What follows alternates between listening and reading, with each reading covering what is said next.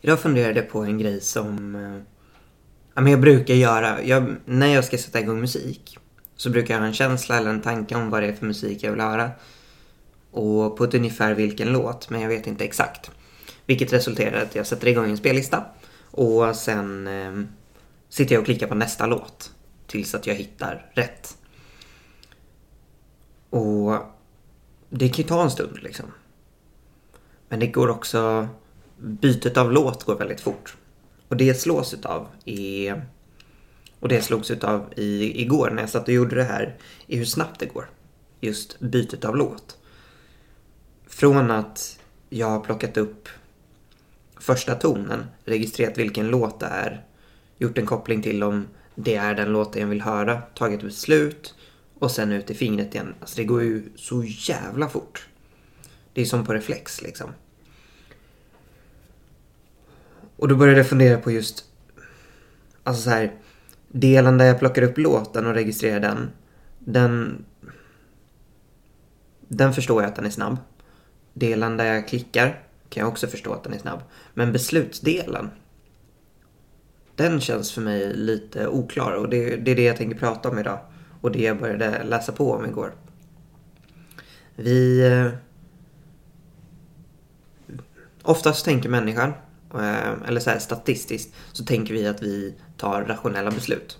Alltså att vi går igenom för och nackdelar i liksom, främre delen av vår hjärna och tänker logiskt. Och så har det visat sig att det inte är. Utan vi påverkas väldigt mycket utav våra emotioner. Och det, det i sin tur gör att vi tar olika beslut beroende på vilken sinnesstämning vi är i. Så det har visat sig att arga människor till exempel, de tar mycket mer, alltså mycket högre risker. Och ledsna människor värderar sina produkter mycket mer. Eh, eller mycket, vad säger jag? De värderar sina produkter mycket lägre. Eh, för att de, man tror att de liksom bara vill sälja det. För att man tänker att det ska ändra sinnesstämningen. Och så här, det har jag aldrig, det har jag aldrig riktigt funderat på hur mina, hur mina känslor påverkar mina val. Jag, jag har sett mig själv som en, liksom, ja, men precis som jag sa, en rationell varelse som tar konkreta beslut baserat på för och nackdelar. Eh, och så verkar det inte vara. Vilket jag tycker är intressant. Och sen lyssnade jag, det var ett par dagar sedan, som jag lyssnade på en podd med Gary Vaynerchuk och Tim Ferris. Där de pratade om hur de, um, när de ska värdera saker, eller Tim, Tim tog upp det här, när man ska betygsätta saker eller när man ska värdera saker. Så gör han det på en skala från 1 till 10. Men han tar bort 7. Och det gör han liksom för alla som han jobbar med. Och det han säger gör, händer när man gör det är att du kan inte ta den här liksom mellantinget. Sju menar han på är den här lite snälla siffran. Det är varken jättebra eller liksom... I hans värld så är en femma typ godkänt. Jag skulle vilja säga att sjuan i skolsystemet är typ ett B. För att du är inte riktigt på ett A men du är inte riktigt på ett C heller. Alltså du vet det här C plus eller vad... Um, det, när, när du tar bort sjuan så tvingar du dig antingen ta ett beslut.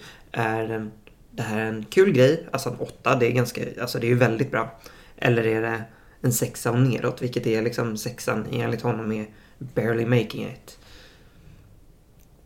Det tycker jag också är intressant för då, då rationaliserar du beslutsfattandet på något sätt. Samtidigt som du lurar känslan. Du kan ha en känsla av att någonting är jättebra och så tänker du efter och så, så får du liksom ta ett beslut. Men du får inte gardera dig. Vilket jag tycker är väldigt, eh, väldigt intressant. För det hade, det hade jag velat göra.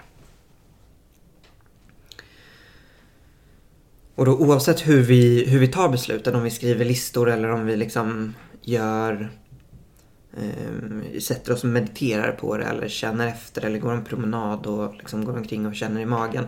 Så tror jag det är viktigt att veta hur, hur din beslutsfattande process påverkas.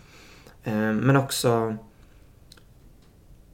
vad det är i dig som du lyssnar på när du försöker ta ett beslut. Och vad det är som faktiskt bestämmer. Så de två grejerna vill jag att du funderar på idag och så skulle jag bli jätteglad ifall du vill dela med dig av det i kommentarsfältet.